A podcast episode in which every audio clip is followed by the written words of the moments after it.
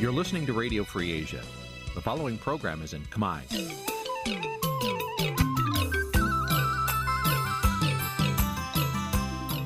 នេះជាកម្មវិធីផ្សាយ Vuthu Azizi Serai នេះជាកម្មវិធីផ្សាយរបស់ Vuthu Azizi Serai ជាភាសាខ្មែរ Vuthu Azizi Serai សូមស្វាគមន៍លោកអ្នកនាងទាំងអស់ពីរដ្ឋធានី Washington នៃសហរដ្ឋអាមេរិកបាទ ពីទីក្រុងមែលប៊នប្រទេសអូស្ត្រាលីខ្ញុំបាទថាថៃសូមជម្រាបសួរលោកនាងកញ្ញាទាំងអស់ដែលកំពុងតាមដានការផ្សាយរបស់វិទ្យុអាស៊ីសេរីជាទីមេត្រីយើងខ្ញុំសូមជូនកម្មវិធីផ្សាយសម្រាប់យប់ថ្ងៃពុធ5កើតខែភទ្របទឆ្នាំខាលចត្វាស័កពុទ្ធសករាជ2566ត្រូវនឹងថ្ងៃទី31ខែសីហាគ្រិស្តសករាជ2022បាទជាដំបូងនេះសូមអញ្ជើញលោកនាងស្ដាប់ព័ត៌មានប្រចាំថ្ងៃដែលមានមេត្តាដូចតទៅ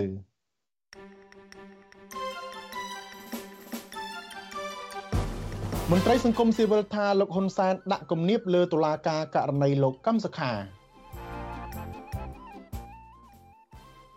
លោកហ៊ុនសែនប្រកាសមិនចាត់វិធានការផ្លូវច្បាប់លើលោកខឹមវាសនានោះទេតំណាងគណៈបកនយោបាយចំនួន4ជួបពិភាក្សានឹងមន្ត្រីគយជបរឿងការទម្រង់ការបោះឆ្នោត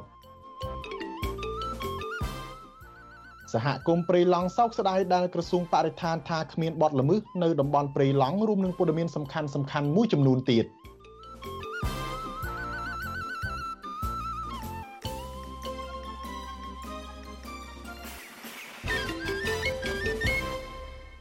បាទជាបន្តទៅនេះខ្ញុំបាទថាថៃសូមជូនព័ត៌មានពិស្ដាដូចតទៅ លោកនាងជាទីមេត្រីក្នុងសវនាការសំណុំរឿងក្បត់ជាតិមេបកប្រឆាំងលោកកឹបសខានៅថ្ងៃនេះតុលាការបន្តស៊ូដេញដោលលើអង្គហេតុចាស់ដដែល គឺការធ្វើបាតុកម្មនៅផ្លូវវែងស្រេងកាលពីឆ្នាំ2013តុលាការលើកយកករណីបាតុកម្មនេះមកជជែកបែបនេះគឺដូចគ្នាទៅនឹងការចាត់ប្រកាន់របស់លោកនាយករដ្ឋមន្ត្រីហ៊ុនសែនដែលថ្លែងក្នុងថ្ងៃតែមួយនៃថ្ងៃបើកសវនាការនេះថា បាតុកម្មនៅផ្លូវវែងស្រេងជាផែនការផ្ដួលរំលំរដ្ឋាភិបាលមន្ត្រីសង្គមស៊ីវិលយល់ចាត់ទុកថាសម្ដីលោកហ៊ុនសែនគឺជាការដាក់សម្ពាធលើតុលាការបាទលោកសេចបណ្ឌិតរាយការណ៍ព័ត៌មាននេះលោកហ៊ុនសែនក៏មិនខុសពីតុលាការក្រុងភ្នំពេញដែរគឺបានព្យាយាមទាញយកករណីបាតុកម្មនៅផ្លូវវែងស្រេងនិងបាតកម្មនៅស្ពានអាកាសស្ទឹងមានជ័យថាមានទំនាក់ទំនងជាមួយនឹងបាតកម្មគណៈបកសង្គ្រោះជាតិ អ្នកឃ្លាំមើលសវនាការជំរុញទៅតុលាការថាគួររកភ័ស្តុតាង ដែលជាសកម្មភាពរបស់លោកកម្មសខាក្នុងការខុបខិតជាមួយនឹងរដ្ឋបរទេសមកដាក់បន្ទុកលើលោកកម្មសខា ប្រសើរជាជាង លើកយកអង្គហេតុដែលមិនតាក់ទងនឹងបទចោទមកធ្វើការដាក់បន្ទុកបែបនេះលោកហ៊ុនសែនចោទប្រកាន់ថា ការទៀមទាការផ្លាស់ប្ដូរក្រោយការបោះឆ្នោតជាការបដួលរំលំរដ្ឋាភិបាល លោកទៀមទីឲ្យតុលាការចាក់វីដេអូនៃការធ្វើបាតកម្មនៅផ្លូវវែងស្រេង កាលពីជាង9ឆ្នាំមុន ដើម្បីរកអ្នកទទួលខុសត្រូវដែលធ្វើឲ្យមានការបាត់បង់ជីវិតពលរដ្ឋក្នុងពេលនោះឥឡូវនេះការកាត់ទោសមួយកំពុងតែធ្វើអ្នកណាទទួលខុសត្រូវលើការស្លាប់របស់ប្រជាជនចែកតំប៉ាំងឲ្យមក3ភ្លឺដើម្បីត្រៀមបំរុងធ្វើសកម្មភាពស្អីហ៊ុនសែនអើយចុះចេញទៅហ៊ុនសែនអើយចុះចេញគេបោះឆ្នោតរួចហើយឲ្យទីអញចុះហើយមានន័យថាម៉េច និយាយគ្នាច្បាស់កន្លែងហ្នឹងខ្ញុំមិនចេះអធិពលលើតឡាការទេអ្នកណាអ្នកស្រីហ៊ុនសែនអើយចុះចេញទៅហើយអ្នកណាថាឥឡូវដូចជាហ៊ុនសែនតើតើងួនឲ្យធ្លាក់យកคลิปវីដេអូមកប្រចាំទាំងអស់ហ៊ុនសែនអើយចុះចេញទៅប៉ុន្តែថាឥឡូវដល់ពេលត្រូវតែចាប់ងរួនឲ្យចុះមានន័យថាម៉េចអានោះទោះបីជាលោកហ៊ុនសែនទាមទារឲ្យលោកកំសខាទទួលខុសត្រូវក្នុងការបាត់បង់អាយុជីវិតពលរដ្ឋក្នុងការទាមទារនៅពេលនោះក្តី ប៉ុន្តែអ្នកបាញ់សម្លាប់បាតកោក្នុងការទៀមទានោះគឺក្រមសមត្ថកិច្ចនៃរដ្ឋាភិបាលរបស់លោកហ៊ុនសែនលោកហ៊ុនសែនថ្លែងដូចនេះក្នុងពិធីបើកការដ្ឋានសាងសង់ស្ពានអាកាសក្នុងរាជធានីភ្នំពេញ នៅព្រឹកថ្ងៃទី31ខែសីហាទោះយ៉ាងណាលោកហ៊ុនសែនថាការថ្លែងរបស់លោកមិនមែនជាការបង្គាប់បញ្ជាទៅតុលាការនោះទេប៉ុន្តែដំណើរគ្នានៃការថ្លែងរបស់លោកហ៊ុនសែនបែបនេះប៉ុន្តែនៅក្នុងបន្ទប់តុលាការ តំណាងអាយកាបន្តយកវីដេអូចាស់ចាស់នៃការធ្វើបាតកម្មរបស់ក្រុមកម្មកររោងចក្រទាមទារឲ្យដំឡើងប្រាក់ឈ្នួលកាលពីឆ្នាំ2013មកចោទសួរលោកកម្មសខា ចំណែកលោកកម្មសខា នៅតែអះអាងដដែលដដែលថាលោកទទួលខុសត្រូវតែបាតកម្មរបស់គណៈបកសង្គ្រោះជាតិនៅទីលានប្រជាធិបតេយ្យប៉ុណ្ណោះមេធាវីការពីក្តីលោកកម្មសខា គឺលោកមេធាវីផែងហេងថ្លែងប្រាប់អ្នកសារព័ត៌មានក្រោយចប់សវនាការថា ការធ្វើបាតកម្មនៅផ្លូវវែងស្រេងតុលាការបានរកឃើញអ្នកទទួលខុសត្រូវរួចហើយគឺមិនជាប់ពាក់ព័ន្ធនឹងលោកកម្មសខាឬគណៈបកសង្គ្រោះជាតិនោះទេលោកមេធាវីរិះគន់ថាការចោទសួរលោកកម្មសខាអំពីរឿងបាតកម្មនេះគឺខុសពីអង្គហេតុ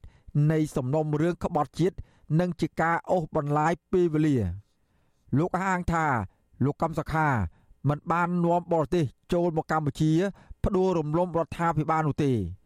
ហើយមកទួលនឹងពេលនេះក៏គ្មានរដ្ឋបរទេសណាមួយ មកផ្ដួលរំលំរដ្ឋាភិបាលដែរ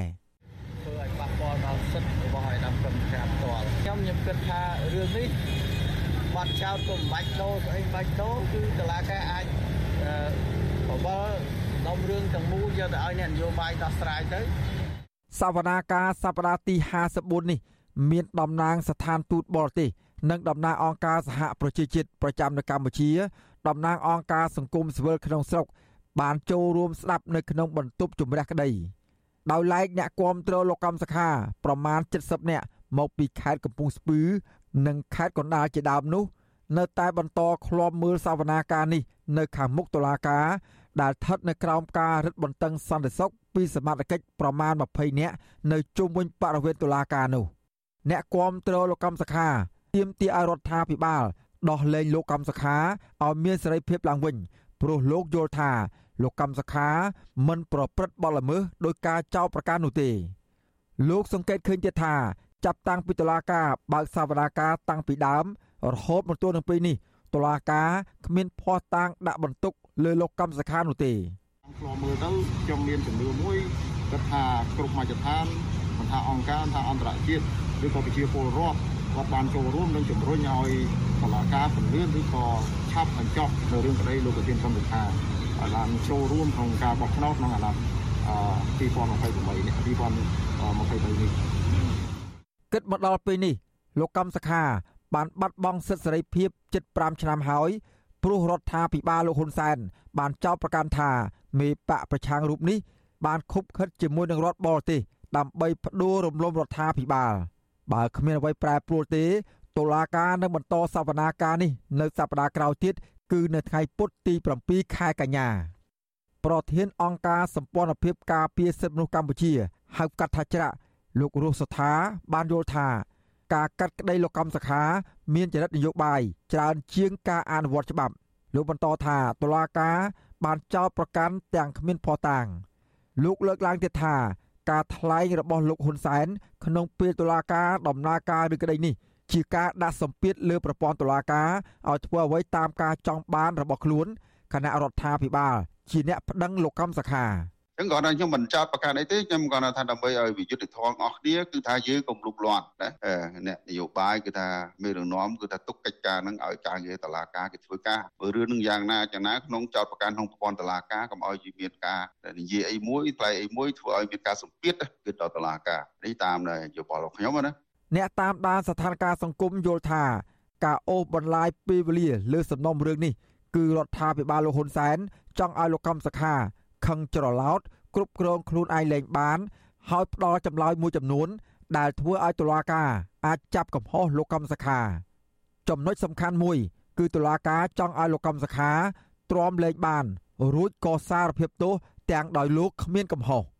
ខ្ញុំបាទសេកបណ្ឌិតវិទ្យុអាស៊ីសេរីពីរដ្ឋធានីវ៉ាស៊ីនតោនបាទលោកនាងជាទីមេត្រីតុលាការនៅ ប្រទេសបារាំង នឹងបើកសវនាការជំនុំជម្រះក្តីរវាងលោកនាយករដ្ឋមន្ត្រីហ៊ុនសែននិងលោកសំរងស៊ីនៅថ្ងៃទី1កញ្ញាក្នុងសំណុំរឿងបរិហាគេ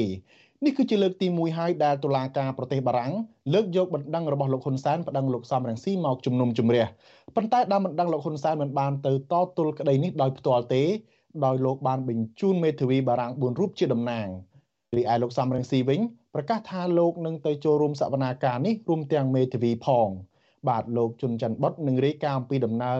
ការក្តីនេះដោយផ្ទាល់ចេញពីតុលាការទីក្រុងប៉ារីសប្រទេសបារាំងសូមលោកនាងរងចាំស្ដាប់សេចក្តីរាយការណ៍របស់លោកជុនច័ន្ទបុតអំពីការជំនុំជម្រះក្តីនេះនៅយប់ថ្ងៃប្រហ័សទី1ខែកញ្ញាស្អែកនេះកុំបីខានសូមអរគុណ បាទលោកនាងជាទីមេត្រី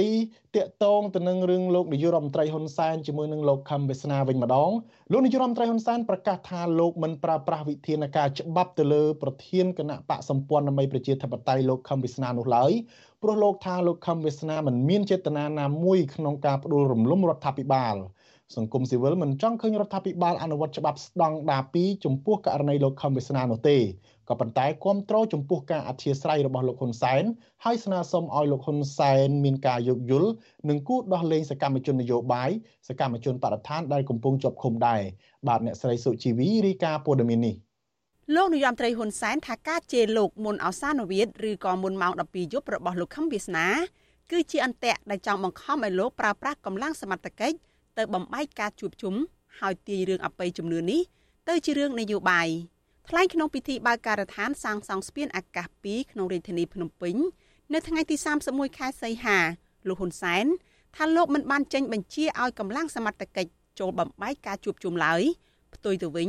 លោកបែរជាបញ្ជាឲ្យកងកម្លាំងមានសមត្ថកិច្ចជួយផ្ដល់អាហារនិងដឹកអ្នកដែលកំពុងជួបជុំគ្នាមកពី19ខេត្តទៅផ្ទះរៀងៗខ្លួនវិញ។ លោកហ៊ុនសែនក៏មិនបានបង្ហាញចេតនាចាត់វិធានការផ្លូវច្បាប់ណាមួយទៅលើក្រុមលោកខឹមវាសនានោះទេព្រោះលោកយល់ថាសកម្មភាពក្នុងការគៀងគរមនុស្សរបស់លោកខឹមវាសនាមិនមានចេតនាណាមួយចង់ផ្ដួលរំលំរដ្ឋាភិបាលលោកឡើយខ្ញុំមិនហ៊ានសន្និដ្ឋានថាគាត់សតិសម្បជញ្ញៈឬក៏ឡប់អីទៅខ្ញុំអត់ហ៊ានទុកវិនិច្ឆ័យព្រោះខ្ញុំមិនមែនពេទ្យឈួតប៉ុន្តែខំវាសនាហើយណាស់អត់បានអំពាវនាវឲ្យមនុស្សផ្ដួលរំលំរដ្ឋាភិបាលគាត់អត់ អំពាវនាវឲ្យប្រជាពលរដ្ឋងើបបះបោឡើងផ្ដួលរំលំរដ្ឋាភិបាលគាត់អត់បានអំពាវនាវឲ្យកម្លាំងប្រវត្តិទេចុងកណ្ដុងមកបំផ្លាញរដ្ឋាភិបាលគាត់អត់បានអំពាវនាវឲ្យបរទេសកាត់ជំនួយ ពីស្រុកខ្មែរទេខុសពីអ្នកដទៃជុំវិញរឿងនេះសកម្មជនចលនាមេដាធម្មជាតិកញ្ញាភួនកែវរស្មីប្រាប់វិទ្យុអាស៊ីសេរីថាកញ្ញាមានការខុសចិត្ត ដែលលោកនាយរដ្ឋមន្ត្រីហ៊ុនសែនមិនចាត់វិធានការផ្លូវច្បាប់ទៅលើលោកខឹមវាសនាចំពោះការឃោសនាផ្ដេសផ្ដាសនិងគៀងគរមនុស្សរាប់ពាន់នាក់បង្កផលប៉ះពាល់ដល់ផលប្រយោជន៍សាធារណៈដូចនេះទោះយ៉ាងណាកញ្ញាភួនកែវរស្មីគាំទ្រចំពោះការយោគយល់របស់លោកហ៊ុនសែនចំពោះលោកខឹមវាសនាបើទោះបីជាលោកខឹមវាសនាបានប្រើប្រាស់ពាក្យសម្ដីមិនសមរម្យហើយកញ្ញាសង្ឃឹមថាលោកនាយរដ្ឋមន្ត្រីហ៊ុនសែននឹងយោគយល់ដល់ក្រមយុវជនបរិស្ថានព្រោះសកម្មភាពរបស់ក្រមយុវជនបរិស្ថាន ក៏គ្មានចេតនាចង់ផ្ដួលរំលំរដ្ឋាភិបាលដោយលោកខំវិស្នាដែរ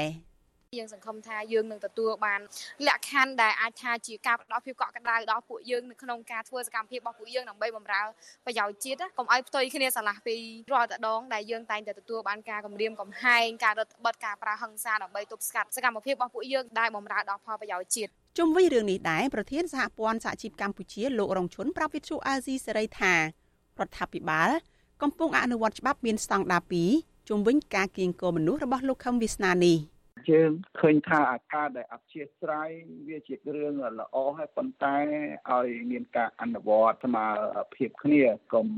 លើកដាក់ថាខាងអ្នកដែលគ្រប់គ្រងសង្គ្រោះជាតិបែបជាទទួលប្រឈមជាប់ពន្ធនាគារគេធ្វើពីរណកម្មក្នុងពន្ធនាគារអាហ្នឹងវាជារឿងមួយអយុត្តិធម៌ណាហើយដែលគាត់ពុំមានកំហុសឆ្គងពុំបានធ្វើឲ្យមានចលាចលអ្វីដោយលោកខមវាសនាផងសាធារណជននិងសង្គមស៊ីវិលយល់ឃើញថាហាក់ដូចជារឿងចម្លែកព្រោះកន្លងមកលោកហ៊ុនសែនមិនដែលលើកលែងចំពោះជនណាដែលជេរប្រមាថលោកនោះទេលើសពីនេះលោកហ៊ុនសែនមិនត្រឹមតែបញ្ចាំវិធានការច្បាប់ទៅលើលោកខឹមវាសនាទេហើយថែមទាំងហៅលោកថាឯកឧត្តមឬលោកប្អូនទៅវិញនាងខ្ញុំសុជីវី With you Azizi Saray ពីរដ្ឋធានី Washington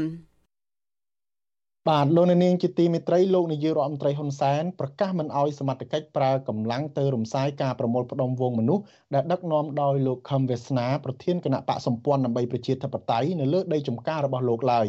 លោកថាការមិនប្រើប្រាស់កម្លាំងបាយដូចនេះដើម្បីបញ្ជាការចូលអន្ទាក់នយោបាយ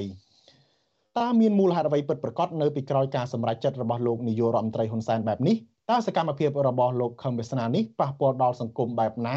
សូមលោកនាងរងចាំទស្សនាបទសម្ភាសអំពីរឿងនេះជាមួយអ្នកជំនាញច្បាប់និងអ្នកវិភាគអំពីបញ្ហានេះនៅពេលបន្តិចទៀតកុំបីខានសូមអរគុណ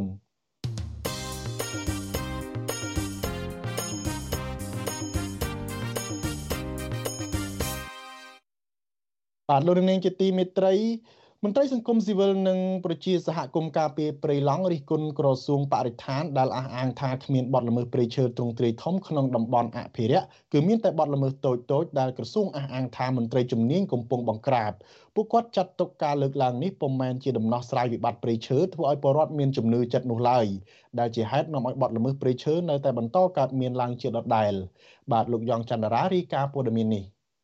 មន្ត្រីអង្គការសង្គមស៊ីវិលនិងប្រជាសហគមន៍ការពារព្រៃឡង់ប្រកាសមិនទទួលយកការបកស្រាយរបស់លោកណេតភក្ត្រាអ្នកនាំពាក្យក្រសួងបរិស្ថាន ដែលអះអាងជាថ្មីទៀតថាគ្មានបទល្មើសព្រៃឈើទ្រង់ទ្រាយធំនៅតំបន់ព្រៃឡង់នោះឡើយពួកគាត់សង្កេតឃើញថាគ្រាន់តែបទល្មើសព្រៃឈើមួយជ្រុងស្ថិតនៅក្នុងភូមិសាស្ត្រខេត្តព្រះវិហារមានសកម្មភាពបំផ្លាញព្រៃឈើនិងដឹកជញ្ជូនឈើយ៉ាងច្រើនសន្ធឹកសន្ធាប់ស្ថិតនៅក្នុងចំណុចមុំ3ដែលជាចំណុចប្រសពគ្នារវាងតំបន់អភិរក្សស្ថិតនៅក្នុងខេត្តព្រះវិហារខេត្តស្ទឹងត្រែងនិងខេត្តកំពង់ធំកាលពីថ្ងៃទី30ខែសីហារដ្ឋលេខាធិការនឹងជាអ្នកនាំពាក្យក្រសួងបរិស្ថានលោកណេតភក្ត្រាបានប្រកាសថាតំបន់ព្រៃឡង់គ្មានបទល្មើសព្រៃឈើទ្រង់ទ្រាយធំទេគឺមានតែបទល្មើសតូចតូចដែលសមត្ថកិច្ចជំនាញកំពុងបង្ក្រាបនិងអនុវត្តច្បាប់ លោកណេតភក្ត្រាថ្លែងបែបនេះនៅក្នុងសន្និសីទសារព័ត៌មានស្ដីអំពីសមិទ្ធផលសម្រាប់បានរយៈពេល5ឆ្នាំរបស់ក្រសួងបរិស្ថានដែលរៀបចំឡើងដោយអង្គភាពអ្នកណែនាំពាក្យរដ្ឋាភិបាលនៅរាជធានីភ្នំពេញ។ បច្ចុប្បន្ននេះបទល្មើសព្រៃឈើខ្នាតធំលែងកើតមានទៀតហើយយើងនៅមានបទល្មើសព្រៃឈើខ្នាតតូចដែលយើងកំពុងតែបន្តទប់ស្កាត់និងបង្ក្រាបនៅក្នុងមួយឆ្នាំមួយឆ្នាំរណាយន្តប្រមាណជា5000រណាយន្តត្រូវបានរုပ်អូសពីក្រមជនល្មើសកំភ្លើងកែច្នៃប្រមាណជា1000គ្រឿងត្រូវបានរုပ်អូសអន្ទាក់ប្រមាណជាជាង50000អន្ទាក់ត្រូវបានដោះចេញពីតំបន់ការពារធម្មជាតិហើយវត្ថុតាងមានម៉ូតូគោយន្តកន្ត្រៃរថយន្តត្រាក់ទ័រប្រមាណជាជាង1000គ្រឿងត្រូវបានរုပ်អូស អ្នកសម្របសម្រួលបណ្ដាញសហគមន៍ការពារព្រៃឡង់ខេត្តព្រះវិហារលោកស្រីថៃចាត់ទុកថាការលើកឡើងនេះពុំមែនជាដំណោះស្រាយបញ្ហាប្រឈមនៅក្នុងដែនអភិរក្សនោះឡើយដែលធ្វើឲ្យបាត់ល្មើសព្រៃឈើនៅក្នុងតំបន់ព្រៃឡង់នៅតែបន្តកើតមានដដែលលោកបបួលលោកណេតភក្ត្រានិងគណៈកម្មការជំនាញចុះពិនិត្យព្រៃឡង់ទាំងអស់គ្នាជាមួយពួកលោកដើម្បីស្វែងរកការពិតជៀសវាងនិយាយដោះសារយករួចខ្លួន។ ចង់ឲ្យច្បាស់ការបំផុតណាគួរណាតែមន្ត្រីទាំងអស់នោះទៅសហការជាមួយក្រុមពួកខ្ញុំបង្ហាញទីតាំងដែលគេតបឈើកលែងកាប់ឈើឲ្យច្បាស់លាស់បានបានមកថាទៅតែកម្លាំងពួកគាត់ទាត់រួចទេអាកន្លែងដែលមានអត់ទៅទេអាកន្លែងដែលអត់បាននឹងមានទៅទៅរួចអីអាកន្លែងអត់ប្រជាសហគមន៍ការពារព្រៃឡង់រូបនេះបន្ថែមថា កាលពីសប្តាហ៍មុនគណៈកម្មការជំនាញអាជ្ញាធរថ្នាក់ជាតិនិងមន្ត្រីបរិស្ថាន បានចុះពិនិត្យទីតាំងបទល្មើសព្រៃឈើក្នុងតំបន់ព្រៃឡង់ដោយមិនបានសហការជាមួយប្រជាសហគមន៍ការពារព្រៃឡង់នោះទេលោកថាអាញាធរជំនាញទាំងនោះបានចុះទៅពិនិត្យព្រៃឈើនៅក្នុងតំបន់ព្រៃឡង់មួយផ្នែកដែលគ្មានបទល្មើសព្រៃឈើដោយមានមន្ត្រីបរិស្ថាន គឺជាអ្នកនាំផ្លូវ ជុំវិញរឿងនេះអ្នកនាំពាក្យគណៈកម្មការជាតិទប់ស្កាត់និងបង្ក្រាបបទល្មើសធនធានធម្មជាតិលោកអេងហ៊ីបញ្ជាក់យ៉ាងខ្លីថាប្រសិនបើមានបទល្មើសព្រៃឈើប្រជាសហគមន៍ត្រូវរាយការណ៍ទៅមន្ត្រីមូលដ្ឋាន ដែលជាអនុគណៈកម្មការជំនាញដើម្បីអនុវត្តច្បាប់លោកបន្តថាអាជ្ញាធរខេត្តនីមួយៗមិនដែលរាយការណ៍ពីបទល្មើសព្រៃឈើក្នុងតំបន់ព្រៃឡង់មកគណៈកម្មការជំនាញរបស់លោកនោះឡើយ ទោះជាយ៉ាងណា កាលពីសប្តាហ៍មុនបណ្ដាញសហគមន៍ការពារព្រៃឡង់បន្តរកឃើញកម្មកររបស់ក្រុមហ៊ុន Macro Logistics កាប់ឈើទ្រង់ទ្រាយធំក្នុងតំបន់ព្រៃឡង់ពួកគាត់ប្រទះឃើញរទេះក្របី7រទេះដែលក្រុមកម្មកររបស់ក្រុមហ៊ុន Macro Logistics ចំនួន20នាក់បានប្រើប្រាស់រួមទាំងគោយន្ត10គ្រឿងបន្តចូលទៅអានិងដឹកជញ្ជូនឈើនៅក្នុងដែនអភិរក្សព្រៃឡង់នៅចំណុចប្រសពគ្នា3ខេត្តការអះអាងបែបនេះគឺក្រោយពេលប្រជាសហគមន៍ព្រៃឡង់ចំនួន21នាក់ បានលបឆ្មក់ល្បាតជាថ្មីទៀតរយៈពេល5ថ្ងៃចាប់ពីថ្ងៃទី12ដល់ថ្ងៃទី16សីហាវិទ្យុអាស៊ីសេរីមិនទាន់អាចតាក់ទងតំណាងក្រុមហ៊ុន Macro Logistics ដើម្បីសាកសួររឿងនេះបានទេនៅថ្ងៃទី31ខែសីហាពាក់ព័ន្ធរឿងនេះដែរមន្ត្រីសម្របសម្រួលគម្រោងសមាគមបណ្ដាញយុវជនកម្ពុជា លោកអូតឡាទីនថ្លែងថាការលើកឡើងរបស់មន្ត្រីក្រសួងបរិស្ថានមិនឆ្លុះបញ្ចាំងអំពីការពិតនោះទេ និងជាការគេចវេះមិនទទួលខុសត្រូវ ចំពោះវិនិស្សកម្មព្រៃឈើដ៏ធំមួយនេះ។លោកថាលោកបានចុះទៅដល់ទីតាំងបាត់ល្មើសព្រៃឈើដោយប្រទះឃើញកម្មករក្រុមហ៊ុន បន្តដឹកឈើចូលក្រុមហ៊ុន Macro Logistics ដែលឆ្មាំអភិរក្សរបស់ក្រសួងបរិស្ថានមិនព្រមធ្វើការទប់ស្កាត់ឡើយ គាត់ធ្វើការងារបែបយ៉ាងម៉េចបានគាត់អត់ដឹងថាបញ្ហានឹងកំពុងតែកើតមានឬក៏អាបញ្ហាដែលដឹកឈើនិងអាត្រាក់ទ័រនិងគុយយន្តហើយនឹងមធ្យោបាយផ្សេងផ្សេងទៀតនឹងគឺជាបទល្មើសគាត់ចាត់ទុកថាជាបទល្មើសតូចតូចអញ្ចឹងដើម្បីឲ្យច្បាស់កុំឲ្យមានមន្ទិលក្រសួងបរិស្ថានផ្ដល់ឱកាសពេញលេញដល់សហគមន៍នៅក្នុងការចោះធ្វើកិច្ចការងារនៅក្នុងតំបន់ពីឡង់ឲ្យពេញដៃពេញជើងទៅយើងនឹងឃើញថាតើស្ថានភាពពីឡង់នឹងយ៉ាងម៉េចហើយ របាយការណ៍របស់ក្រសួងបរិស្ថានបង្ហាញថានៅរយៈពេល5ឆ្នាំចុងក្រោយនេះក្រសួងបរិស្ថានបង្ក្រាបបទល្មើសព្រៃឈើសរុបជាង8000ករណី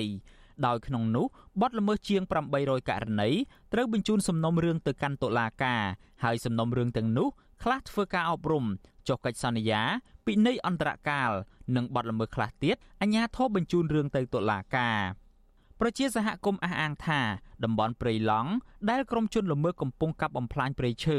គឺជាជំរកសត្វព្រៃកម្ររស់នៅជាច្រើនប្រភេទនិងជាតំបន់ដែលអ្នកភូមិរកអនុផលព្រៃឈើកំពុងប្រឈមការបាត់បង់ជាបន្តបន្ទាប់រីឯប្រជាពលរដ្ឋមូលដ្ឋាន ដែលមានដើមឈើផលិតជ័រទឹករាប់រយដើមនៅតំបន់នោះវិញពួកគាត់បានត្អូញត្អែថាដើមច្បាស់ជ័ររបស់ពួកគាត់ត្រូវក្រុមហ៊ុនកាប់បំផ្លាញអស់ហើយ ខ្ញុំយ៉ងច័ន្ទដារាវិទ្យុអាស៊ីសេរីរាយការណ៍ពីរដ្ឋធានី Washington បាទលោកនាងជាទីមេត្រីគណៈបកនយោបាយក្រៅរដ្ឋាភិបាលចំនួន4បានជួបជាមួយនឹងគណៈកម្មាធិការជ្រៀបចំការបោះឆ្នោតហៅកាត់ថាកើជបនៅថ្ងៃពុធនេះ ដើម្បីជជែកគ្នាអំពីការកែតម្រង់ប្រព័ន្ធបោះឆ្នោតនិងការដាក់សំណើចំនួនជាង10ចំណុចជូនស្ថាប័នកម្ពុជាមួយនេះសង្គមស៊ីវិលជំរុញទៅកោជបពិចារណាតាមការស្នើសុំរបស់គណៈបកនយោបាយទាំងនោះដើម្បីឲ្យសហគមន៍ជាតិនិងអន្តរជាតិទទួលស្គាល់ថាស្ថាប័នរៀបចំការបោះឆ្នោតមួយនេះថាឯករាជ្យបាទលោកនាងនឹងបានស្ដាប់សេចក្តីរាយការណ៍នេះពឹស្ដារនៅពេលបន្តិចទៀតហើយយើងក៏នឹងមានបទសម្ភាសន៍មួយជាមួយនឹងអនុប្រធានគណៈបកភ្លើងទីនគឺលោកជាបកំអៀងដែល លោកបានចូលរួមជជែកផ្ទាល់ជាមួយនឹងគោជបតែម្ដងបាទសូមអរគុណអាស៊ីសេរី បាទលោកនាងជាទីមេត្រីតកតងទៅនឹងករណីជនជាតិចិនវិញម្ដងសមត្ថកិច្ចខេត្តព្រះសីហនុអះអាងថាជនសង្ស័យជាជនជាតិចិននិងខ្មែរសរុបចំនួន11នាក់ពាក់ព័ន្ធនឹងករណីជួញដូរមនុស្សនិងប្រើប្រាស់អាវុធខុសច្បាប់ត្រូវបានកសាងសំណុំរឿងបញ្ជូនទៅតុលាការកាលពីថ្ងៃទី30សីហាមន្ត្រីសង្គមស៊ីវិលជំរុញដល់អាជ្ញាធរនិងតុលាការអនុវត្តច្បាប់ឲ្យបានតឹងរឹងនិងត្រូវប្រកាសសាលក្រមផ្ដន់ទោសលើក្រុមជនល្មើសទាំង10នាក់ជាសាធារណៈឲ្យមហាជនបានដឹងដើម្បីឲ្យពួកគាត់មានជំនឿលើប្រព័ន្ធយុតិធធនៅកម្ពុជា បាទលោកជាតិចំណានរាយការណ៍ព័ត៌មាននេះស្នងការនគរបាលខេត្តប្រសេនុលោកជួននរិនប្រាប់វិសុអេស៊ីសរ៉ៃនៅថ្ងៃទី30ខែសីហាថាក្រុមអក្រិតជនទាំង11នាក់ដែលសមត្ថកិច្ចបង្ក្រាបបានថ្មីថ្មីនេះបានរៀបចំរបាយការណ៍ពាក់ព័ន្ធនឹងករណីជួញដូរមនុស្សការគំរាមកំហែងការប្រើអំពើហិង្សានិងការប្រើប្រាស់អាវុធខុសច្បាប់និងបានបញ្ជូនសំណុំរឿងទៅកាន់សាលាដំបងខេត្តប្រសេនុរួចរាល់ហើយលោកបញ្ជាក់ថាត្រឹមថ្ងៃទី30ខែសីហាតុលាការ មិនទាន់បើកសវនាការលើជនសង្ស័យទាំង11នាក់នៅឡើយទេដោយរងចាំការសម្រេចពីតំណាងអាយកាដើម្បីបញ្ជូនសំណុំរឿងបន្តទៅចៅក្រមស៊ើបសួរដូច្នេះក្នុងការចៅក្រមស៊ើបគាត់នៅចាប់ផ្ដើមស៊ើបបន្តទៀតដើម្បីរកខែនបទល្មើសឬមួយពិនិត្យទៅលើសំណុំរឿងបទល្មើសគាត់របៀបម៉េចអាហ្នឹងអាស្រ័យទៅលើចៅក្រមបាទមិនទាន់ទៅហ្នឹងហ្នឹងគឺជាភារកិច្ចទូទីរបស់ចៅក្រមស៊ើបណាហ្នឹងហើយចំពោះខ្ញុំសតដៃទៅបាទយុទ្ធធរបាទ គិតចាប់ពីថ្ងៃទី23ដល់ថ្ងៃទី26ខែសីហាសមត្ថកិច្ចខេត្តប្រសេអនុបានរកឃើញជនបរទេសដែលប្រព្រឹត្តបទល្មើសចំនួន4ករណីពាក់ព័ន្ធនឹងការបង្ខាំងមនុស្សដើម្បីបង្ខំឲ្យបម្រើការងារឲ្យក្រុមហ៊ុននៅក្នុងភូមិសាស្ត្រខេត្តប្រសេអនុក្នុងនោះករណីទី1នៅថ្ងៃទី3ខែសីហាសមត្ថកិច្ចខេត្តប្រសេអនុបានរំដោះជនរងគ្រោះដែលជាស្ត្រីជនជាតិម៉ាឡេស៊ីម្នាក់ឈ្មោះខូអៃលីអាយុ27ឆ្នាំពីក្រុមហ៊ុនឆោបោកមួយកន្លែងស្ថិតនៅភូមិកគីឃុំបិទត្រាំងស្រុកព្រៃនប់ខេត្តប្រសេអនុ ក្នុងព្រឹត្តិការណ៍ជួយសង្គ្រោះស្ត្រីជនជាតិម៉ាឡេស៊ីនេះសមត្ថកិច្ចបានឃាត់ខ្លួនជនសង្ស័យជាជនជាតិចិនចំនួន8នាក់រហូតដល់ថ្ងៃទី26ខែសីហាសមត្ថកិច្ចបានបង្ក្រាបជនសង្ស័យជួញដូរអាវុធចំនួន3នាក់បន្ថែមទៀតព្រមទាំងបានដកហូតអាវុធវែងខ្លីចំនួន5ដើមព្រមទាំងគ្រាប់កំភ្លើងមួយចំនួនធំទៀតផងរបាយការណ៍របស់រដ្ឋបាលខេត្តប្រសេអនុកាលពីថ្ងៃទី27ខែសីហាបានបញ្ជាក់ថាជនរងគ្រោះនិងជនសង្ស័យពាក់ព័ន្ធករណីទាំង4នេះសមត្ថកិច្ចនៃស្នងការនគរបាលខេត្តប្រសេអនុបានបញ្ជូនទៅកាន់អគ្គស្នងការនគរបាលជាតិ និងអគ្គនាយកដ្ឋានអន្តោប្រវេសន៍ដើម្បីបន្តនីតិវិធីតាមផ្លូវច្បាប់ប៉ុន្តែស្នងការនគរបាលខេត្តបរសេនុលោកជួននរិនអះអាងថាបច្ចុប្បន្នជនសង្ស័យទាំង11នាក់កំពុងស្ថិតក្នុងដៃសមត្ថកិច្ចនៃតុលាការខេត្តបរសេនុរងចាំការបោកសវនាការផ្ដន្ទាទោសជុំវិញរឿងនេះមន្ត្រីអង្គការសង្គមស៊ីវិលមើលឃើញថាចំពោះការអនុវត្តច្បាប់ទៅលើក្រុមអក្រិតជនទាំង11នាក់ពាក់ព័ន្ធនឹងករណីជួញដូរមនុស្សនិងការប្រើប្រាស់អាវុធខុសច្បាប់នេះហាក់កំពុងកើតមានភាពមិនប្រក្រតីដោយសារតែសមត្ថកិច្ចបង្ហាញព័ត៌មានបែបមិនទុកចិត្ត អ្នកសម្របសម្បូរសមាគមការពារសិទ្ធិមនុស្សអាត់ហុកប្រចាំខេត្តបរសៃអនុអ្នកស្រីជីបសុធារីមានប្រសាសន៍ថាករណីជនបរទេសជាពិសេសជនជាតិចិនដែលប្រព្រឹត្តល្មើសច្បាប់កម្ពុជាតុលាការខេត្តព្រះសីហនុក្នុងសំណុំរឿងព្រមត្តននានាមិនបានបង្ហាញការប្រកាសសារក្រមផ្ដន្ទាទោសទៅលើក្រុមអក្រិតជនដើម្បីឲ្យមហាជនមានជំនឿទៅលើប្រព័ន្ធច្បាប់នៅឡើយទេក្រៅពីនេះសង្គមស៊ីវិលក៏ត្រូវបានសមត្ថកិច្ចនឹងតុលាការខេត្តប្រស័យអនុរដ្ឋបិទមិនឲ្យចូលក្លំមើលសំណុំរឿងបែបអក្រិតកម្មនេះដែរអ្នកស្រីជាបសុធារីបន្ថែមថា ប្រសិនបើសំណុំរឿងជនសង្ស័យផុតដៃសមត្ថកិច្ចចូលដកដៃតុលាការដើម្បីបន្តនីតិវិធីគ្មានការបង្ហាញព័ត៌មានឲ្យបានទូលំទូលាយបែបនេះតុលាការគឺជាមិនផុតអំពីការរិះគន់ពីសំណាក់សាធារណជនឡើយលើសពីនេះអ្នកស្រីប្រួយបារម្ភថាជនល្មើសដែលមានអ្នកមានលុយមានអំណាចនៅពីក្រោយខ្នងគឺពួកគេអាចផ្ដោតសំណូកទៅដល់ភាគីពាក់ព័ន្ធមួយចំនួនក្នុងតុលាការដើម្បីឲ្យដោះលែងខ្លួននៅក្រៅប្រព័ន្ធច្បាប់ ខ្ញុំនៅតែទៀមទាអញ្ចឹងដូចថានៅក្នុងករណីគឺអង្កេតប្រមូលព័ត៌មានអត់ទាន់មូលហើយអត់ទាន់បិទសំណុំរឿងហើយមិនទាន់បញ្ជូនទៅជំរះយើងមិនទៀមទាចង់ដឹងទេប៉ុន្តែនៅពេលដែលមានការអង្កេតមូលសំណុំរឿងហើយហើយបានបញ្ជូនទៅជំរះរហូតដល់ការប្រកាសសាក្រមគួរតែធ្វើការផ្សព្វផ្សាយដែរទោះបីវាជាការប្រកាសសាក្រមនៅសាលាដំបងក៏ដោយក៏គួរតែធ្វើការផ្សព្វផ្សាយឲ្យប្រជាពលរដ្ឋនិងសាធារណជនបានដឹងដូចខ្ញុំតែងតែសំណូមពរជាញឹកញាប់ ក្រសួងមហាផ្ទៃឲ្យដឹងថាគិតត្រឹមថ្ងៃទី1ខែមករាដល់ថ្ងៃទី20ខែសីហាឆ្នាំ2022សមត្ថកិច្ចបានរកឃើញនិងជួយសង្គ្រោះជនបរទេសចំនួន87ករណីស្មើនឹង865នាក់និងបានកសាងសំណុំរឿងបញ្ជូនទៅតុលាការចំនួន17ករណីក្នុងនោះមានជនសង្ស័យចំនួន60នាក់រីឯកាលពីឆ្នាំ2021របាយការណ៍របស់គណៈកម្មាធិការជាតិប្រយុទ្ធប្រឆាំងអំពើជួញដូរមនុស្សបង្ហាញថាសមត្ថកិច្ចបានបង្ក្រាបករណីជួញដូរមនុស្សចំនួនជាង200ករណី ហើយបានបញ្ជូនជនល្មើសចំនួន400នាក់ទៅតុលាការចំណែកឯជនរងគ្រោះមានចំនួនជាង1000នាក់ក្នុងនោះមានស្ត្រីជិត600នាក់ដែលបានសង្គ្រោះពីករណីជួញដូរនេះដោយឡែករបាយការណ៍របស់ក្រសួងការបរទេសអាមេរិកស្ដីពីការជួញដូរមនុស្សឆ្នាំ2022ចេញផ្សាយកាលពីខែកក្កដាបានទម្លាក់ចំណាត់ថ្នាក់កម្ពុជាចុះមកលំដាប់ទី3ដែលមានន័យថាអាក្រក់បំផុតនិងបំផ្លប់មានទេចាប់តាំងពីឆ្នាំ2015មករបាយការណ៍អាមេរិកបង្ហាញថាកម្ពុជាដើរថយក្រោយនិងគ្មានឆន្ទៈ ក្នុងការលុបបំបាត់ការជួញដូរមនុស្សដោយសារតែអំពើពុករលួយជាប្រព័ន្ធដែលបានរារាំងដល់ការអនុវត្តច្បាប់ទៅលើក្រុមជនល្មើសដែលពាក់ព័ន្ធនឹងករណីជួញដូរមនុស្សនៅកម្ពុជាខ្ញុំបាទជាចំណាន Visual Assisray ប្រធានាទី Washington បាទលោកនាងជាទីមេត្រីក្រសួងមហាផ្ទៃកាលពីថ្ងៃទី29សីហាបានជូនដំណឹងជាថ្មីដល់ស្ថាប័ន ពាក់ព័ន្ធរដ្ឋបាលថ្នាក់ក្រមជាតិនិងវិស័យឯកជនអំពីការផ្ដល់បានស្នាក់នៅអចិន្ត្រៃយ៍ដល់ជនបរទេសសម្រាប់ប្រើប្រាស់បម្រើជីវភាពរស់នៅប្រចាំថ្ងៃដូចជាការស្នើសុំសេវារដ្ឋបាលសេវាសាធារណៈសេវាសុខភាពសេវាធនាគារការទិញលក់អចលនវត្ថុការធ្វើអាជីវកម្មនិងការស្នើសុំធ្វើការងារតាមរោងចក្រសហគ្រាសនិងសកម្មភាពមួយចំនួនទៀតដែលច្បាប់អនុញ្ញាតសម្រាប់ជនបរទេសបាទ អគ្គនាយករងនិងជាអ្នកនាំពាក្យនៃអគ្គនាយកដ្ឋានអន្តរប្រវេសន៍ក្រសួងមហាផ្ទៃលោកកៅវ៉ាន់ថនធ្លាប់មានប្រសាសន៍ថាមានជនបរទេសដែលមានបានស្នាក់នៅអចិន្ត្រៃយ៍នៅប្រទេសកម្ពុជាសរុបប្រមាណ90000នាក់ដែលក្នុងនោះមានជាង90%ជាជនជាតិវៀតណាមហើយបន្ទាប់មកមានជនជាតិចិនបាទតកតងនឹងករណីនេះយើងបានភ្ជាប់ តាម Skype ជាមួយនឹងនាយកប្រតិបត្តិនៃអង្គការសម្ព័ន្ធកិច្ចនៃភាពសង្គមកម្ពុជាលោកសនជ័យដើម្បីសម្ភាសលោកបន្ថែមអំពីករណីនេះហើយតកតងនឹងរឿងនេះដែរយើងក៏បានព្យាយាមអញ្ជើញអគ្គនាយកនៃអគ្គនាយកដ្ឋានតប្រវេសគឺលោកគៀតចន្ទរិទ្ធហើយនឹងអគ្គនាយករងនិងជាអ្នកនាំពាក្យនៃអគ្គនាយកដ្ឋានអន្តរប្រវេសន៍លោកកែវ៉ាន់ថនដែរក៏ប៉ុន្តែលោកទាំងពីរបដិសេធដោយប្រាប់ថាជាប់រវល់បាទអឺជាដំបូងដោយសារតែរាត្រីនេះយើងមានលោកសនជ័យតែមួយរូបបាទសូមជម្រាបសួរលោកសនជ័យបាទ បាទជំរាបសួរបាទអឺលោកសនជ័យតើលោកយល់បែបណាដែរចំពោះការផ្ដល់បានស្នាក់នៅអចិន្ត្រៃយ៍ដល់ជនបរទេសដែលកំពុងរស់នៅកម្ពុជានឹងថាតើវាផ្ដល់ផលវិជ្ជមាននិងអវិជ្ជមានបែបណាដែរបាទបាទអរគុណហើយសួរបងប្អូនអ្នកស្រីទាំងអស់ផងនៅក្នុងច្បាប់ស្ដីពីអន្តរប្រវេសន៍មានការបញ្ញត្តិទៅលើលក្ខខណ្ឌនៃជនបរទេសនឹង3ប្រភេទណា បាទខ្ញុំខ្ញុំចង់បញ្ជាក់កន្លែងហ្នឹងបន្តិចដើម្បីឲ្យបងប្អូនអ្នកស្ដាប់យើងបានយល់ក្នុងនោះមានជនបរទេសដែលវាមិនមែនទេសទេសន្តប្រវេសន៍មួយគឺសំដៅលើក្រុមអ្នកដែលមកធ្វើការងារនៅទូតដែលមកជាលក្ខណៈគ្រួសារណាបាទអញ្ចឹងពួកពួកគេក៏ស្ថិតនៅក្រោមច្បាប់ស្តីពីអន្តរប្រវេសន៍ដែរទី2គឺក្រុមជនបរទេសដែលជាទេសន្តប្រវេសន៍ គេសំដៅលើជនជាតិបរទេសទាំងឡាយណាដែលមករស់នៅក្នុងទឹកដីកម្ពុជាយើងហើយប្រកបរបររស៊ីដូចជាអឺធ្វើជាងឈើជាងដែកនិយាយទៅឲ្យតែប្រកបអាជីវកម្មហើយស្ថិតនៅក្នុងការរកការងារធ្វើនៅតាមក្រុមហ៊ុនសហគ្រាសជាដើមដែលយើងឲ្យច្បាស់ជាណាជាងឈើជាងអីដែលមក ក្នុងរយៈពេលយូរហ្នឹងណាបាទ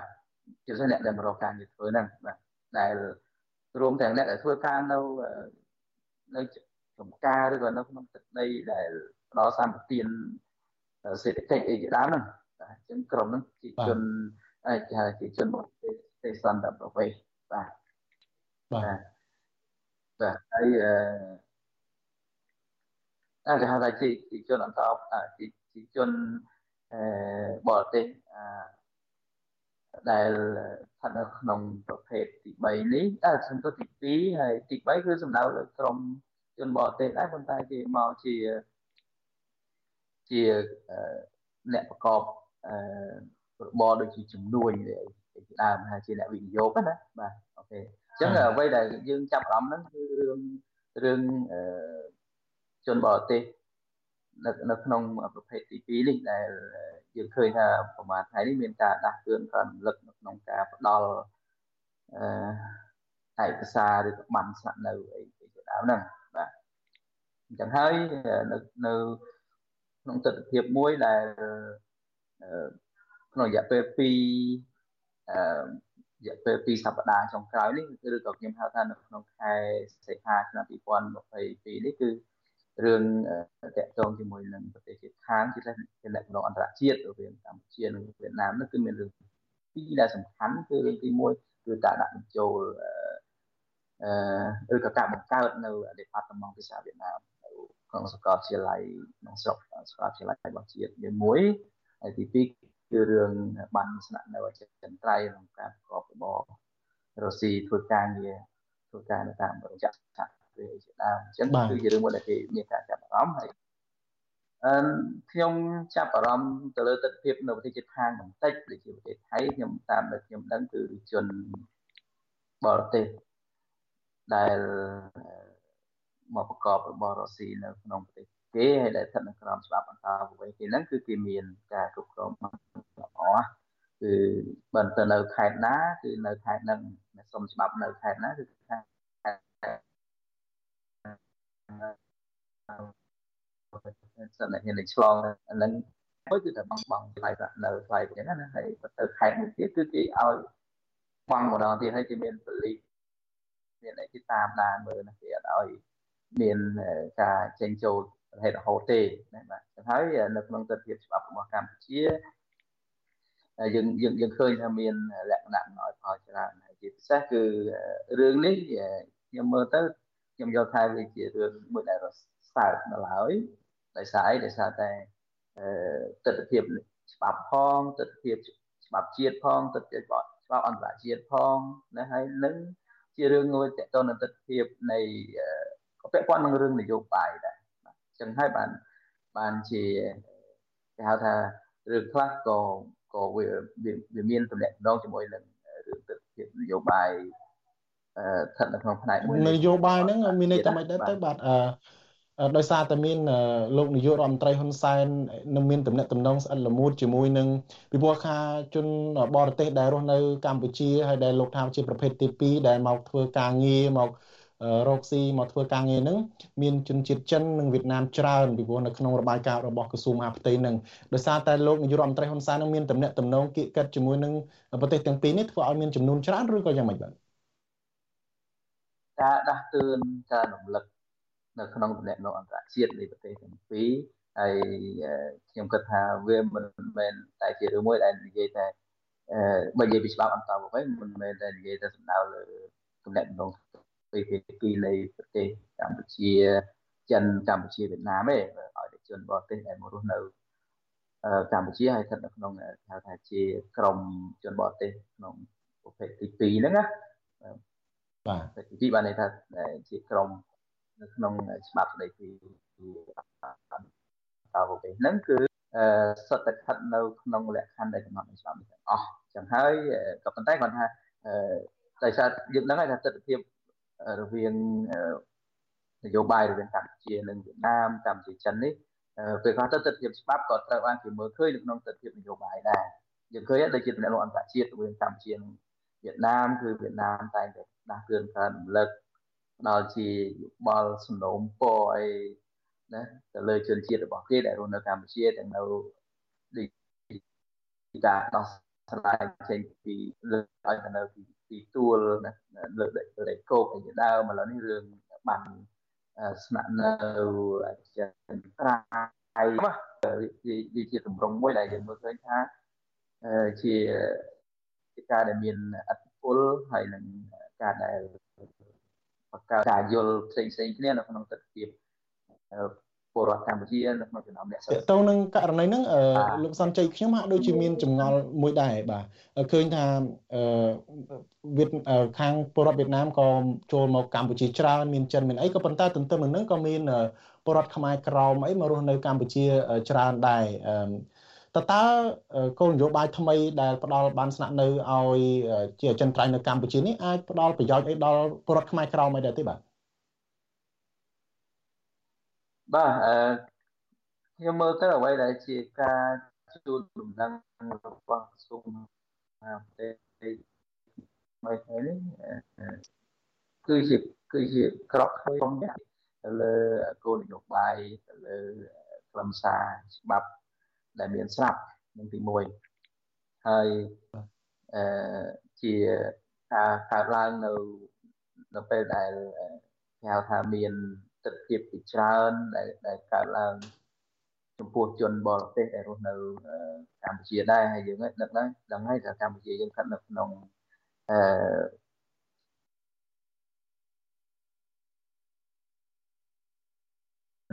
បាទ ដូចជាដាច់រ៉ាល់អ៊ូលជាមួយលោកសំជ័យបាទអំពើបាទបាទបាញ់ដាក់ដូចមានបញ្ហាសេវារអាក់រអ៊ូលបន្តិចបាទដោយសារស្ដាប់ប្រសាសន៍របស់លោកមិនបានលោកសំជ័យខ្ញុំមានសំណួរចុងក្រោយមួយយើងដឹងថាសេចក្តីប្រកាសរបស់ក្រសួងមហាផ្ទៃនេះគឺជាការក្រិនរំលឹកដល់ស្ថាប័នពាក់ព័ន្ធមានទាំងវិស័យឯកជនផងដែរឲ្យទទួលស្គាល់ ការផ្ដល់បានទៅដល់ជនបរទេសនឹងហើយឲ្យពួកគាត់នឹងអាចទទួលបានការងារមានធ្វើការងារធ្វើអីនៅតាមសហគ្រាសតាមរោងចក្រវិស័យអីជាដើមប៉ុន្តែនៅកម្ពុជាកម្ពុជាជាប្រទេសមួយដែលក្រីក្រហើយពលរដ្ឋរបស់ខ្លួននឹងក៏មានកង្វះខាតការងារដែរដោយម្នាក់ម្នាក់ដោយភាគជាច្រើនរាប់ម៉ឺនអ្នកនឹងបានចម្លៀសខ្លួន បានចម្លៀសបានចំណាក់ស្រុកទៅរស់នៅធ្វើការនៅក្រៅប្រទេសដូចជានៅប្រទេសថៃកូរ៉េជប៉ុនអីជាដើមនៅម៉ាឡេស៊ីជាដើមដើម្បីស្វែងរកការងារធ្វើអីជាដើមហើយរដ្ឋាភិបាលនៅមិនទាន់បានដោះស្រាយបញ្ហាកង្វះខាតការងារនេះឲ្យបានសមរម្យជូនពលរដ្ឋខ្មែរម្ចាស់ស្រុកនៅឡើយទេប៉ុន្តែលោកបែរជាមានការដែលទៅទទួលកាតព្វកិច្ចមួយទៀតគឺថាទទួលស្គាល់ ទទួលខុសត្រូវទៅលើជនបរទេសដែលកំពុងរស់នៅកម្ពុជានឹងឲ្យពួកគេនេះតើតើវាអាចប៉ះពាល់ទៅដល់ពលរដ្ឋខ្មែរម្ចាស់ស្រុកទៅលើការងារអីដែលពលរដ្ឋខ្មែរកំពុងខ្វះខាតនឹងផងទេបាទបាទបើបើនិយាយអំពីនិន្នាការនៃការស្វែងរកការងារធ្វើចំណាក់ស្រុកគឺជាទស្សនវិជ្ជាថ្មីមួយហើយវាកើតឡើងវាមិនថាឡើយតែប្រ ទេសណាទៅប្រទេសណាទេក៏ប៉ុន្តែរឿងដែលសំខាន់គឺអាស្រ័យទៅលើការគ្រប់គ្រងនៃប្រទេសទទួលណាបាទការប្រទេសទទួលហើយនឹងលក្ខខណ្ឌការងារដែលផ្ដល់អត្ថប្រយោជន៍ទៅដល់ក្រុមអ្នកដែលស្វែងរកការងារធ្វើជាប្រភេទការងារបែបអន្តរប្រវេសឬមួយក៏ហៅជាប្រភេទការងារចំណាក់ស្រុកមួយដែលដែលមានការទទួលស្គាល់តាមតំណែងតំណង ការទូតក្តីតំណែងតំណងនៃកិច្ចព្រមព្រៀងទ្វេភាគីអីជាដើមហ្នឹងអញ្ចឹងសម្រាប់ខ្ញុំខ្ញុំមើលឃើញអំពីយើងទៅគេគេមកយើងប៉ុន្តែរឿងដែលសំខាន់គឺទស្សនវិជ្ជានៃការអនុវត្តច្បាប់អញ្ចឹងភាពចន្លោះប្រហោងនៃការអនុវត្តច្បាប់គោលការណ៍ដែលមានគឺជាចំណុចមួយដែលគេត្រូវពិនិត្យមើលហើយនឹងពង្រឹងធ្វើម៉េចដើម្បីឲ្យគេហៅថាទស្សនវិជ្ជានៃច្បាប់ហ្នឹង បានអនុវត្តបានល្អហើយពេលនោះគឺជារនាំងមួយដើម្បីកុំឲ្យទឹកដីខ្ញុំឧទាហរណ៍ថាបើមានជនបរទេសមកនៅកម្ពុជាច្រើនកុំឲ្យកម្ពុជានឹងខ្លាយទៅជាកន្លែងដែលរងគ្រោះទីមួយយើងរងគ្រោះសម្រាប់ជាតិយើងផងទីពីរគឺគេហៅថាជនបរទេសខ្លះគេអាចមករងគ្រោះ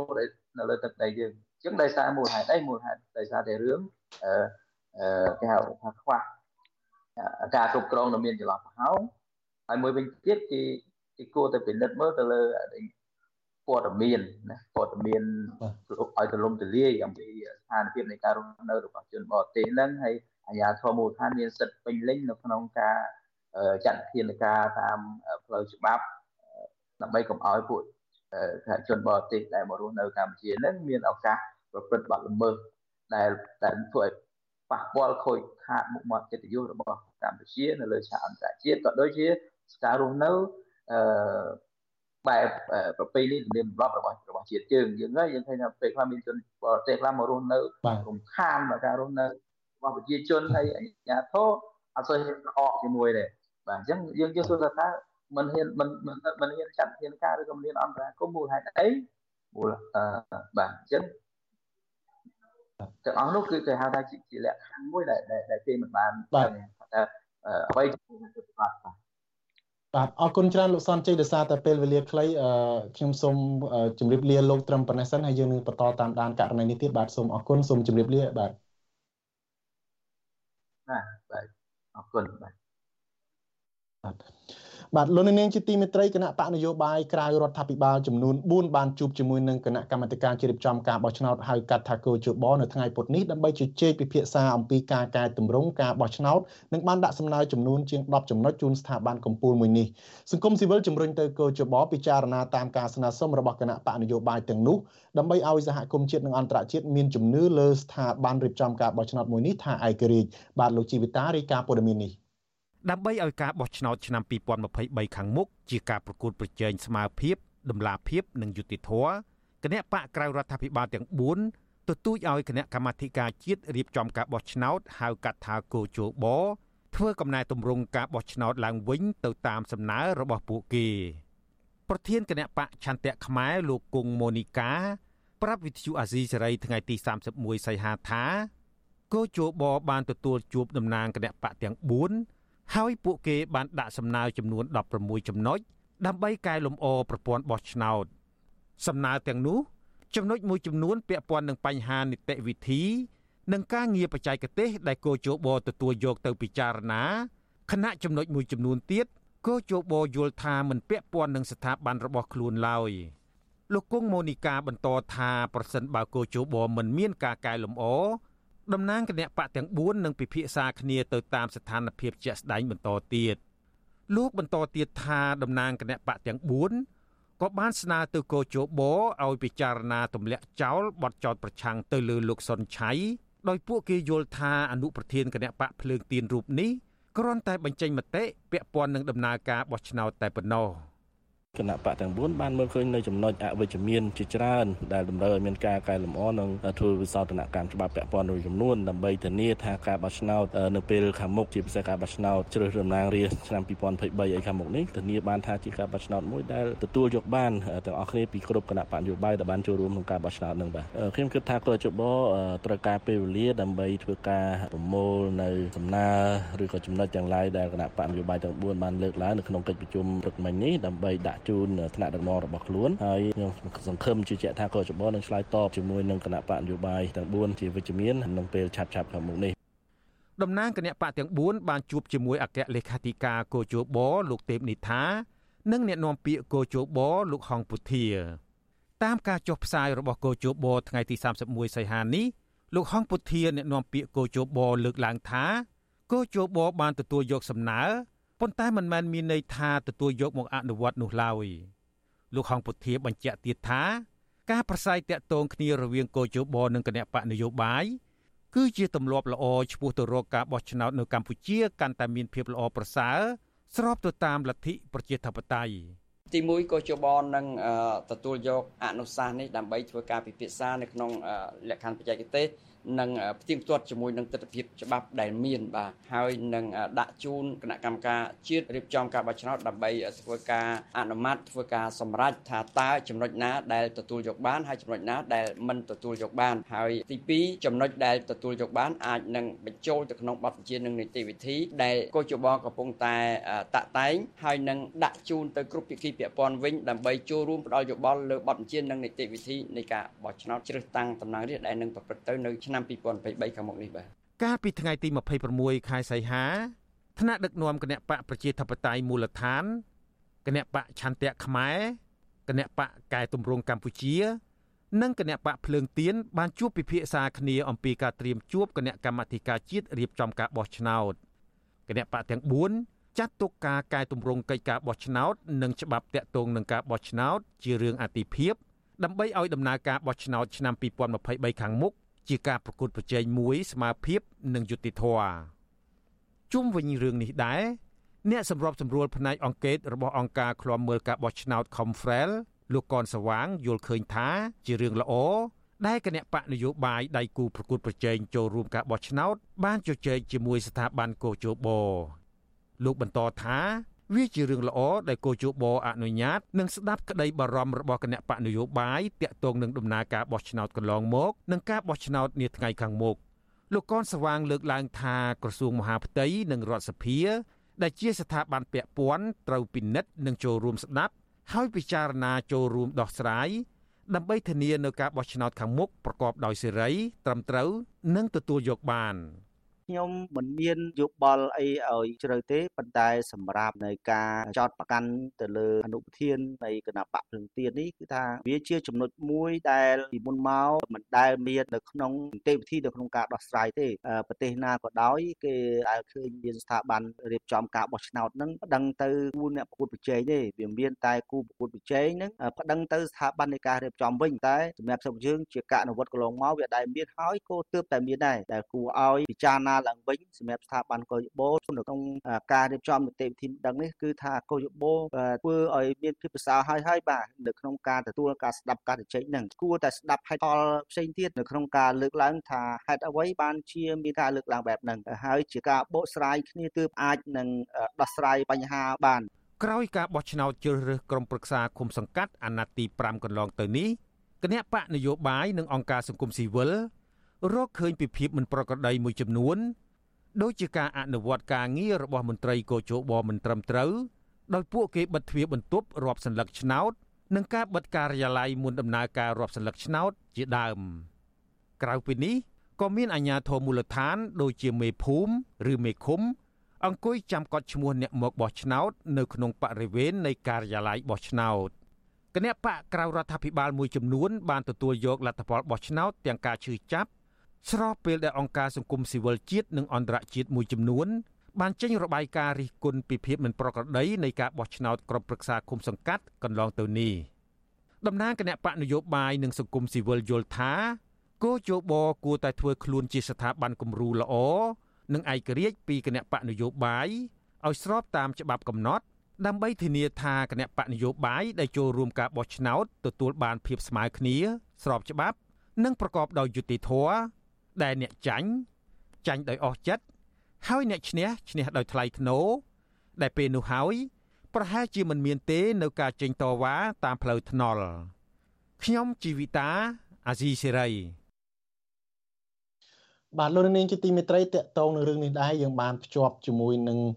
អនុប្រធានគណៈបកភ្លើងទៀនគឺលោកជាតិកំអៀងដើម្បីសម្ភាសលោកបន្ថែមបាទសូមជម្រាបសួរលោកជាតិកំអៀងបាទបាទសូម សូមជម្រាបសួរលោកលោកលោកជីវតាបាទខ្ញុំថាថៃមិញជាការផ្សាយរបស់លោកជីវតាបាទលោកជីវកំអៀងអឺលោកបានចូលរួមជជែកផ្ទាល់ជាមួយនឹងខាងកោជបនៅថ្ងៃមិញនេះអំពីការកែតម្រង់នឹងលោកអាចជួយរៀបរាប់បន្តិចបានទេថាតើទស្សនវិជ្ជានៅក្នុងជំនុំនោះមានការជជែកមានការពិភាក្សាទៅលើបញ្ហាអីខ្លះបាទ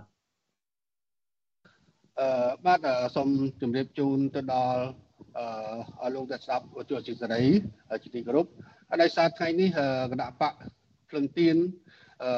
និងគណៈបក3ទៀតបានរួមគ្នាធ្វើលិខិតរួមទៅជួបគណៈកម្មការជាតិរៀបចំការបោះបោះឆ្នោតហើយដោយក្រោយពីការបោះឆ្នោតមកយើងសង្កេតឃើញថាមានការខ្វះចន្លោះជាច្រើននៃការអនុវត្តនៅនីតិវិធី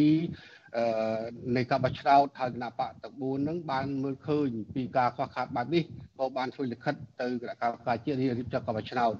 ហើយគណៈកម្មការជាតិរៀបចំការបោះឆ្នោតបានឲ្យគណៈបកទាំង4ពិសេសមានគណៈបកព្រឹងទៀនដែលបានចូលរួមនៅក្នុងកម្មវិធីនេះហើយយើងមានចំណុចជាច្រើនមាន16 17ចំណុចដែលជា ដែលគណៈបកទាំង4បានមើលឃើញអំពីភាពខ្វះខាតខ្វះចន្លោះនៃការអនុវត្តអនុវត្តនៃ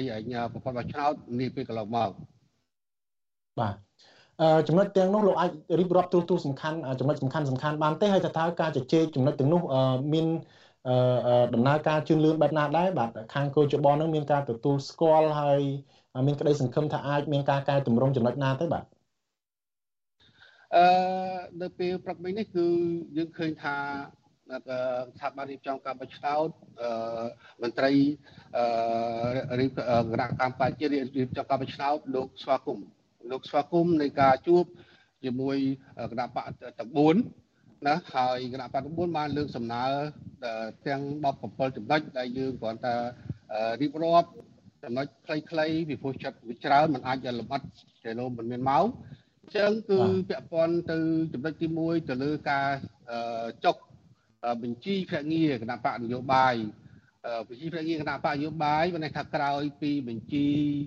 បេក្ខជនចូលជាផ្លូវការរយៈពេល1សប្តាហ៍ហើយយើងបានសំណើទៅគណៈកម្មការជាតិរៀបចំការបោះឆ្នោតនឹងសូមធ្វើយ៉ាងណាឲ្យមានពេលវេលាគ្រប់គ្រាន់សម្រាប់គណៈបកនយោបាយនីមួយៗគាត់ដាក់អ្នក សង្កេតការរបស់គាត់បានថាតំណាងគណៈបកនយោបាយរបស់គាត់យើងសូមឆ្នើឲ្យគាត់ទុករយៈពេល2 3សប្តាហ៍ក្រោយពីបញ្ជីខ្លាយជាផ្លូវការហើយយើងនឹងសូមពន្យាការដាក់ហ្នឹងក្រោយពី2 3សប្តាហ៍ហើយឲ្យយើងអាចដោះដូរដោះដូរដាក់ជាបន្តបន្តរហូតដល់មុនបោះឆ្នោតរយៈពេល2ឬ3ថ្ងៃមុនការបោះឆ្នោត ហើយចំណុចមួយទៀតដែរគឺយើងស្នើទៅគណៈកម្មការជាតិដែរអំពីប្រភូកម្មប្រភូកម្មអំណាចមកឲ្យវិឃុំចៅសង្កាត់លោកជាអ្នកបញ្ជាក់ទៅលើលិខិតអត្តសញ្ញាណបេក្ខជនឬក៏ភ្នាក់ងារសង្កេតការរបស់គណៈបកដែលមានឈ្មោះបោះឆ្នោតនៅក្នុងសង្កាត់ស្វាមីអញ្ចឹងហើយសូមឲ្យគណៈកម្មការជាតិរៀបចំការបោះឆ្នោតអឺ កុំធ្វើប្រភពកម្មឲ្យវាគុំចៅឲ្យសង្កាត់បន្តទៀតហើយសូមឲ្យកិច្ចការទាំងអស់នេះការចុះហត្ថលេខាទៅលើបញ្ជីបញ្ជាក់ពីលេខកាលែបោះឆ្នោតរបស់បេក្ខជននីមួយៗហ្នឹងនៅលើគណៈកម្មការបោះឆ្នោតឃុំឃុំសង្កាត់ទៅវិញបាទហើយមានចំណុចច្រើនទៀតចំណុចពាក់ព័ន្ធនឹងការ បោះឆ្នោតនឹងការរាប់សន្លឹកឆ្នោតគណៈបកទាំង4បានស្នើស្នើទៅគណៈកម្មការជាតិរៀបចំបោះឆ្នោតថាកុំឲ្យមានការបិទទ្វារបិទបង្អួចឬកុំឲ្យមានការបិទរែងមណ្ឌលបោះឆ្នោតសូមឲ្យប្រជាពលរដ្ឋម្ចាស់ឆ្នោតអាចលោកអាចមើលឃើញពីការរាប់ចលឹកឆ្នោតពីលទ្ធផលឆ្នោតនៅពីយើងចាប់ដើមរាប់ចលឹកឆ្នោតបាទនឹងជាជាជាសំណើរបស់គណៈបក ទាំង4ហើយចំណុចមួយទៀតដែរគឺសូមឲ្យគណៈកម្មការជាតិចាប់ការបោះឆ្នោតហ្នឹងពិនិត្យវិច័យទៅលើកាល័យបោះឆ្នោតគឺថាកាល័យពិសេសមណ្ឌលពិសេសបោះឆ្នោតបានន័យថាអ្នកដែលនៅខេត្តប្រទេសនឹងរកលទ្ធភាពណាឲ្យគាត់មានលទ្ធភាពក្នុងការមកបោះឆ្នោតបានឬក៏មានការល័យបោះឆ្នោតនៅខេត្តប្រទេសហ្នឹងជាជាសំណុំពរប៉ុន្តែ គណៈកម្មការជាតិទីកម្មការបោះឆ្នោតក៏លោកបានប្រាប់ដែរថាចំណុចណាដែលជាចំណុចលក្ខណៈបច្ចេកទេសលោកទទួលយកដើម្បីទៅពិភាក្សាជាមួយនឹងថ្នាក់ដឹកនាំរបស់គណៈកម្មការជាតិរៀបចំរៀបចំការបោះឆ្នោតតែចំណុចណាដែលពាក់ព័ន្ធទៅនឹងច្បាប់ពាក់ព័ន្ធទៅនឹងបញ្ហាច្បាប់ផ្សេងផ្សេងដែលកុជបមិនអាចអាចអនុវត្តបានអានឹងកុជបមិនមិនយកទៅឲ្យថ្នាក់ដឹកនាំរបស់គណៈកម្មការជាតិរៀបចំការបោះឆ្នោតធ្វើការពិចារណាទេបាទ បាទអឺដោយឡែកលើថាមានជំនួបនេះក៏មានការជជែកអំពីការស្នើសុំឲ្យមានការតម្លាក់ចោលការចោតប្រកាន់ទៅលើអាដាមសុនឆៃដែរបាទតើតើចំណុចនេះមានការជជែកបែបណាដែរហើយមានការយល់ព្រមពីខាងគោចបបែបណាដែរបាទអឺប៉ុន្តែហើយអឺប៉ុន្តែនេះគឺយើងបាន ស្នើទៅគណៈកម្មការជាតិរៀបចំការបោះឆ្នោតឲ្យពិចារណាឡើងវិញអំពីការអំពីពាក្យបណ្ដឹងរបស់គណៈកម្មការជាតិរៀបចំការបោះឆ្នោតទៅលើឯកឧត្តមសុនឆៃជាអនុប្រធានគណៈបកព្រំទៀនដែលលើកដែលលោកមានប្រសាសន៍ពាក់ព័ន្ធរដ្ឋផលនៃការបោះឆ្នោតដោយសារតែ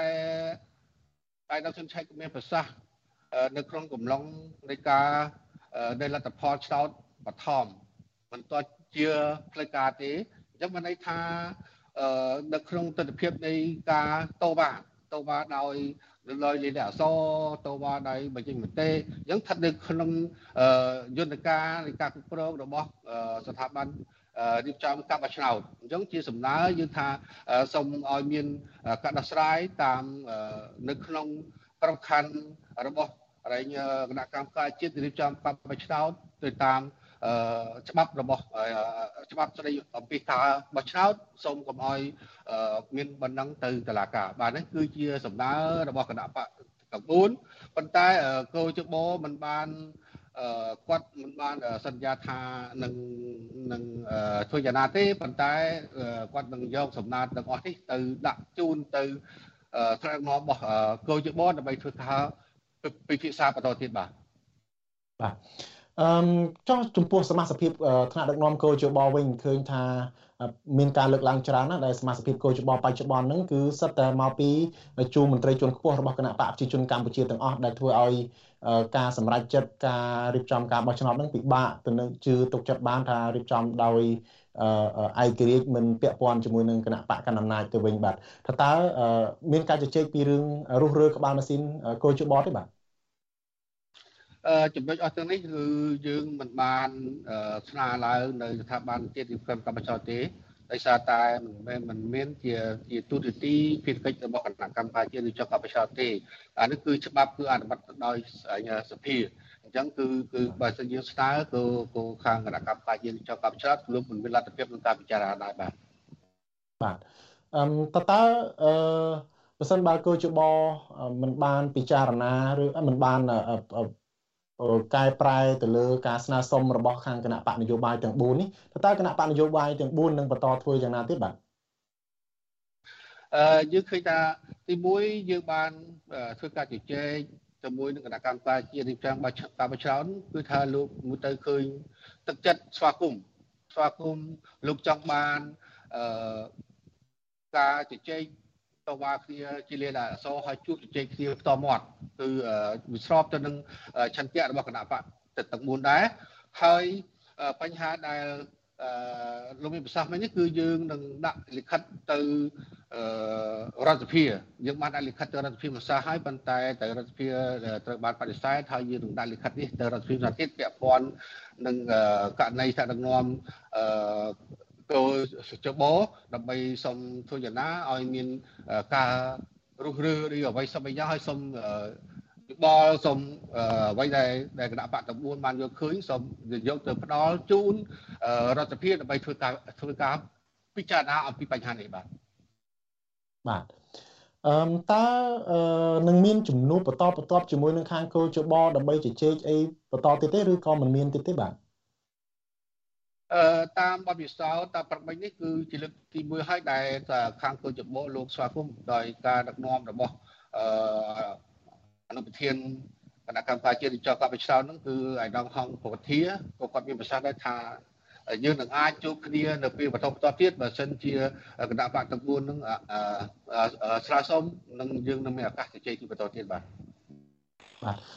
ការបោះឆ្នោតឆ្នាំ2023 អឺចិត្តមកដល់ហើយតើតើលោកមាន ក្តីរំពឹងបែបណាថាគោលជបនឹងកែប្រែចំណុចនេះហើយបើសិនបើមិនមានការកែប្រែទេតើតើលោកយល់ថាការបោះឆ្នោត2023នឹងអាចនឹងមានភាពចម្រូងចម្រាសបែបណាដែរប៉ុន្តែមុននឹងឆ្លើយសំណួរខ្ញុំនេះខ្ញុំសូមជម្រាបលោកអ្នកស្ដាប់ថាការផ្សាយរបស់យើងតាមរយៈរលកធាតុអាកាសខ្លីឬ Shortwave នៅម៉ោង8កន្លះ30នាទីទៀតនេះលោកនាងនឹងមិនលឺការផ្សាយរបស់យើងទេក៏ប៉ុន្តែលោកនាងដែលកំពុងតាមដានការផ្សាយរបស់យើងនៅតាម YouTube និង Facebook សូមបន្តនៅជាមួយយើងបន្តទៀតបាទសូមអញ្ជើញបាទអឺបាទដោយសារតែយើងបានជជែកជាមួយស្ថាប័នជាតិរៀបចំការបោះឆ្នោតយើងអាចគិតថាស្ថាប័ននេះបានស្វាគមន៍ស្វាគមន៍ការដាក់សំណើរបស់គណៈបកទាំង4ហើយយើងយើងរងចាំរងចាំមើលលទ្ធផលរបស់គណៈកម្មការជាតិរៀបចំការបោះឆ្នោតនេះ លោកនឹងផ្ដល់ជាលទ្ធផលក្រោយពីលោកបានពិភាក្សាការងារនេះជាមួយនឹងមន្ត្រីតដឹកនាំរបស់កោជបហើយយើងអាចនឹងអាចនឹងវាតម្លៃថាតើការរៀបចំការបោះឆ្នោតនៅពេលខាងមុខតើបានលទ្ធផលយ៉ាងម៉េចឥឡូវនេះគឺយើងអត់ទាន់បានចម្លើយពីស្ថាប័នចិត្តរៀបចំការបោះឆ្នោតនៅឡើយទេបាទបាទខាងកោជបនឹងនឹងសន្យាផ្ដល់ចម្លើយពេលណាដែរបាទអឺមិនទាន់បាន ជាក់លាក់ទេគាត់គាត់បានសន្យាថានឹងយកសំណើរបស់គណៈបកទាំង4នេះយកទៅជូនថ្នាក់ដឹកនាំរបស់គណៈកម្មការជាតិរៀបចំកម្មវិធីដើម្បីធ្វើការពិចារណានៅចំណុចបច្ចេក